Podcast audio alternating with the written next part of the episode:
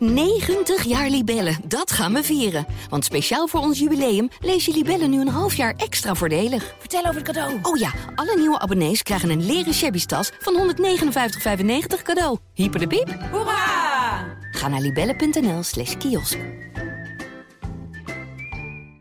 Vier weken nadat de 23-jarige Cas Steenbergen uit de Schiphorst zwaar gewond thuiskomt, overlijdt hij aan een hartstilstand. De politie houdt het op een noodlottig fietsongeval, maar daar hebben zijn ouders, Luc en Albertine, hun bedenkingen over. Gezien de ernst van de verwondingen moet er iets anders zijn gebeurd, menen ze. Maar wat? Je luistert naar Moet je horen, waarin we bijzondere verhalen van de Stentor aan je voorlezen. Met in deze aflevering Was de dood van Cas wel een ongeluk? In de hoek van de woonkamer van een fraaie woonboerderij in de Schiphorst, nabij Meppel, op het glazen kastje waarin de zwarte urn van hun overleden zoon staat, brandt een kaarsje. Deze steek ik iedere ochtend aan, zegt Albertine Steenbergen. En dat doe ik ook wanneer ik terugkom van mijn werk. Ook kust ze elke avond, pal voor het slapen, de foto van Cas die naast het kaarsje staat. Met weer daarnaast een kaartje met de tekst: Dag mooiert, dag lieve jij. Ik laat je los en neem je mee. Nog een beetje bij mij. Daar waar ik stil nog van je houden mag, fluister ik je naam. Dag lieverd, dag. Het zijn momenten waarop Albertine beseft dat het leven vreed kan zijn. Oneerlijk. Drie dagen voordat ze Cas in bed vond, in een plas met bloed, flinke verwondingen en zonder hartslag, overleed haar moeder, van wie ze nog niet eens afscheid had genomen. Ja, zegt haar man Luc aan de keukentafel, met zijn handen wanhopig in zijn krullen gevouwen. Waar hebben we dit aan verdiend? Het is een vraag waar Albertine en Luc geen antwoord op hebben, zoals ze ook nog altijd niet weten hoe hun zoon om het leven is gekomen. Ja, Cas is aan een hartstilstand overleden, nadat hij in het ziekenhuis Isela in Zwolle vier weken in coma lag. Maar hoe hij buiten bewustzijn is geraakt, dat is twaalf maanden na zijn dood nog altijd onduidelijk. Het maakt het leven van Albertine en Luc bijna ondraaglijk, en helemaal deze periode. Het is een jaar nadat hun 23-jarige zoon Cas zwaar gehavend terugkwam van een feestavond in Veningen, waar hij met vijf vrienden was. Dan komt alles weer terug, zegt Albertine. Niet dat het ooit weg was, dit gaat nooit meer weg. Je blijft er altijd aan denken, zegt Luc. Helemaal op de momenten waar Cas zo van hield, zoals zijn verjaardag, Sinterklaas of kerst. Dat vond hij, net als oudjaar met al dat vuurwerk en de bijbehorende oliebollen, helemaal geweldig. Soms begon hij al in de zomer kerstliedjes te zingen. Maar deze periode, de zomermaanden, denk je er nog meer aan, vertelt Albertine. Daarom nam Albertine de laatste tijd bewust een andere route naar haar werk, zodat ze niet de feesttent in Veningen zag, weer opgebouwd voor een nieuwe editie. De plek waar Cas voor het laatst op zijn fiets was gesprongen, het noodlot tegemoet rijdend. Ik kon dat niet aan. Ze slapen niet goed, of beter gezegd, heel slecht. Want de dood van een kind, dat slijt nooit. Werk geeft wel afleiding, maar dat is ook niet alles, zegt Luc. Die werkt als bedrijfsadviseur van een melkveehouderij in Genemuiden. Albertine, die in een kledingzaak in Zuidwolde staat. Het blijft door je hoofd spoken, zeker als je alleen bent. Natuurlijk, ze krijgen steun, heel veel steun. Van bekenden, van onbekenden, van hun drie dochters, Aniek, Maaike en Lotte. Dat geeft hen kracht, maar het verdriet, de pijn, dat blijft. Daarvoor is het gemis te groot. Laatst vroeg iemand: Kunnen jullie nog ergens van genieten? Nou, nee. Na verjaardagen? We kunnen het niet, zegt Luc. We zijn met z'n allen wel een paar dagen weg geweest met Pasen, maar dat viel niet goed. Want Cas is hier, zegt Albertine. Ze pakt de herdenkingskaart met daarop een grote foto van Cas, legt hem op tafel. Wat opvalt is niet alleen de tekst, maar ook zijn tevreden lach. Zo was Cas ook, zegt Albertine. Altijd opgewekt en vrolijk, altijd in voor een grapje. Op de kaart staat: Cas bracht vrolijkheid. Waar hij binnenkwam, ging het licht aan. Het was moeilijk om na een eerste kennismaking niet meteen een speciale band met hem te hebben. Hij was ook echt een hele amicale vent. Heel betrokken en sociaal. Maakte met iedereen een praatje, al dus Luc. Een glimlach. Voor het eerst deze ochtend. En heel populair bij de meisjes, zegt Albertine. Ze opent een filmpje op haar telefoon. De video van de uitvaart. Kijk hoeveel er zijn gekomen. Op de klanken van Oh Fly On, een nummer van Coldplay, schieten de beelden van die moeilijke zomermiddag voorbij. Mooie beelden als je van mooi kunt spreken. Maar tegelijkertijd zijn ze heel pijnlijk om te zien. Zo jong, nog zo'n leven voor zich. Met alle plannen die Cas, een groot muziekliefhebber, nog had. En dan eindigt het zo abrupt. Albertine vergeet het nooit meer. Het moment dat ze Cas in zijn bed ziet liggen. Je schrikt je wezenloos, maar ik was niet in paniek of zo. Juist heel rustig. Je bent in een soort van shock. Luc belt meteen 112. Met de telefoon op de speakers probeert zijn vrouw de aanwijzingen van de hulpdiensten op te volgen en haar zoon te reanimeren. Maar dat gaat niet heel voorspoedig. Daarvoor zijn de verwondingen aan onder meer zijn neus te heftig. Later zei een van de broeders: Het lijkt wel alsof Cas een klap met een voorwerp op zijn hoofd heeft gehad. Want het was niet alleen het voorhoofd dat gehavend was, dat gold ook voor de zijkant en zijn achterhoofd, zegt hij.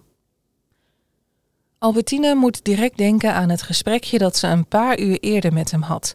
Toen Cas, kort nadat hij zijn fiets op slot had gedaan en zijn jas opgehangen, met het licht uit liet weten dat hij weer thuis was.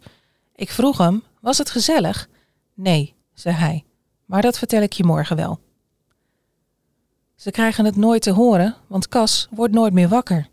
Hij blijkt in zijn slaap een slagaderlijke bloeding in zijn hoofd te hebben gehad. Dat veroorzaakte zoveel druk dat zijn hersenen geen zuurstof meer kregen.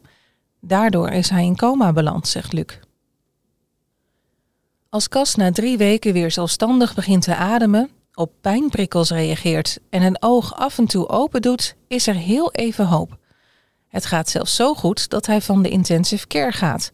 Via de medium care komt hij op de verpleegafdeling terecht van het ziekenhuis in Zwolle, waar hij op zondag 17 juli vorig jaar in alle el naartoe was gebracht. Cas kreeg niks mee van wat we zeiden. Zo las ik bijvoorbeeld kaartjes voor of begon ik over het weer. Maar dat hij zo stabiel was en dat zelfs zijn hartslag weer oké was, ja, daar klamp je je wel aan vast, vertelt Albertine.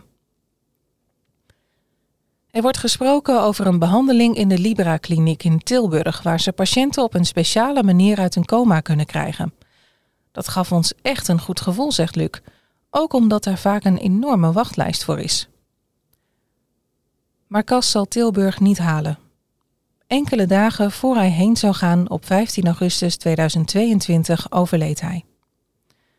Albertine en Luc worden om kwart voor drie s'nachts gebeld. Ze moeten direct naar het ziekenhuis komen, omdat de situatie van Cas onverwachts is verslechterd. Zo onwerkelijk. De avond ervoor kregen we nog te horen dat er niks aan de hand was. Er breekt een onwezenlijke periode aan. Tijd om in alle rust te rouwen hebben Albertine en Luc amper. Daarvoor ontbreekt het antwoord op die ene belangrijke vraag. Wat is er die nacht in vredesnaam gebeurd met Cas? Hun fanatiek sportende zoon die net had besloten om bij korfbalvereniging DOS 46 uit Nijenveen een stapje terug te doen, omdat hij ook van het leven wilde genieten. Ze hebben wel een vermoeden, dat is versterkt nadat er beelden van een bewakingscamera zijn opgedoken van de bewuste avond. Ze spreken het, voorzichtig als ze zijn, niet hardop uit. Daarvoor ontbreekt hard bewijs. Maar ze kunnen het zich gezien de beelden, in combinatie met Cas zijn verwondingen, haast niet voorstellen dat het alleen een nooddottig fietsongeluk is geweest. Ik was er natuurlijk niet bij, zegt Luc, maar het lijkt me bijna onmogelijk dat je van een val in het gras zoveel verwondingen oploopt. De politie baseert zich onder meer op een uitspraak van Cas dat hij was gevallen. Dat had hij tegen een vriend gezegd, die hij die nacht had gebeld. Maar zijn fiets was niet eens kapot. Er zat alleen wat gras tussen de trappers, vult Albertine aan. Terwijl hond Noah zachtjes in de hoek door blijft snurken, de regen tegen de ramen gutst en Albertine opnieuw koffie zet, pakt Luc zijn telefoon en laat de foto zien. Het is een videostil van een bewakingscamera. Gedetailleerd vertelt Luc wat er op die beelden te zien is. Hoe Cas achterna wordt gezeten door een jongen met een grijs shirt, kort nadat hij het concourterrein van de Wolde om kwart voor één s'nachts heeft verlaten. Hoe een meisje in een wit jasje, witte schoenen en zwarte broek die jongen probeert tegen te houden. Hoe Cas achter de feesttent verdwijnt, net als die jongen. Hoe die man twee minuten later weer terugkomt. Cas is daarna hoogstwaarschijnlijk zwaar gewond naar huis gefietst, 15 kilometer verderop, met onvoorstelbaar veel pijn, aangezien hij, zo blijkt later, niet alleen zijn sleutelbeen en zijn bovenste rib heeft gebroken, maar ook ernstig letsel aan zijn hoofd, handen en knieën heeft. Albertine en Luc, die worden bijgestaan door strafrechtadvocaat Jan Vlug uit Deventer, hopen dat het Openbaar Ministerie de beelden wil vrijgeven, zodat iemand die man of die vrouw herkent. Of nog beter, dat zij zichzelf herkennen en melden. Omdat ze vroeging krijgen. Of gewoon omdat zij of andere getuigen wellicht meer kunnen vertellen wat zich achter die tent heeft afgespeeld. Dat is voor ons zo belangrijk, zegt Albertine. Al betekent dat niet dat we er dan een streep onder kunnen zetten. We kunnen dit nooit afsluiten. Het wordt nooit meer 100% hetzelfde. Er blijft altijd een randje omheen zitten. Maar het zou ons wel rust geven. Want die onzekerheid, die nu al ruim een jaar boven ons hoofd hangt, is ondraaglijk, laten Luc en Albertine weten. Albertine loopt naar het kastje in de hoek, waar het kaarsje met daaromheen gewikkeld een foto van Cas nog steeds brandt. Zoals dat morgen ook het geval zal zijn. En overmorgen, volgende week en ongetwijfeld de rest van haar leven. Ze zegt: We willen gewoon weten wat er is gebeurd. Je krijgt nu de vreemdste verhalen. Dat Cas met een zatte kop tegen een boom is gefietst, bijvoorbeeld. Dat heeft hij niet verdiend. Ook daarom willen we dat het juiste verhaal verteld wordt. Daar heeft Cas recht op. We kunnen niet achterblijven met het zal wel een fietsongeluk zijn geweest. Dat is voor ons veel te kort door de bocht, omdat je aan alles voelt dat dat niet zo is, zegt Luc. De politie Noord-Nederland laat weten dat ze na overleg met het Openbaar Ministerie heeft besloten verder geen onderzoek te doen, omdat er geen aanknopingspunten zijn. We hebben vorig jaar uitvoerig onderzoek gedaan, zegt politiewoordvoerder Thijs Damstra. Uit dat onderzoek is de conclusie getrokken dat er sprake is geweest van een noodlottig ongeval, met het letsel en uiteindelijk zijn overlijden tot gevolg. De beelden van de beveiligingscamera zijn geen reden om het dossier weer te openen. Een beeldspecialist van de politie heeft deze beelden bekeken. Hierop is geen strafbaar feit te zien. Ook kunnen we geen verband leggen tussen wat er op de beelden te zien is en het latere overlijden van het slachtoffer. Om die reden wil het OM de beelden niet publiekelijk vrijgeven. Fijn dat je luisterde naar Moet je horen. Wil je meer bijzondere verhalen? Ga dan naar de stentor.nl slash moet je horen of download onze app. 90 jaar Libellen, dat gaan we vieren. Want speciaal voor ons jubileum lees je Libellen nu een half jaar extra voordelig. Vertel over het cadeau. Oh ja, alle nieuwe abonnees krijgen een leren shabby tas van 159,95 cadeau. Hyper de piep. Hoera! Ga naar libellen.nl slash kiosk.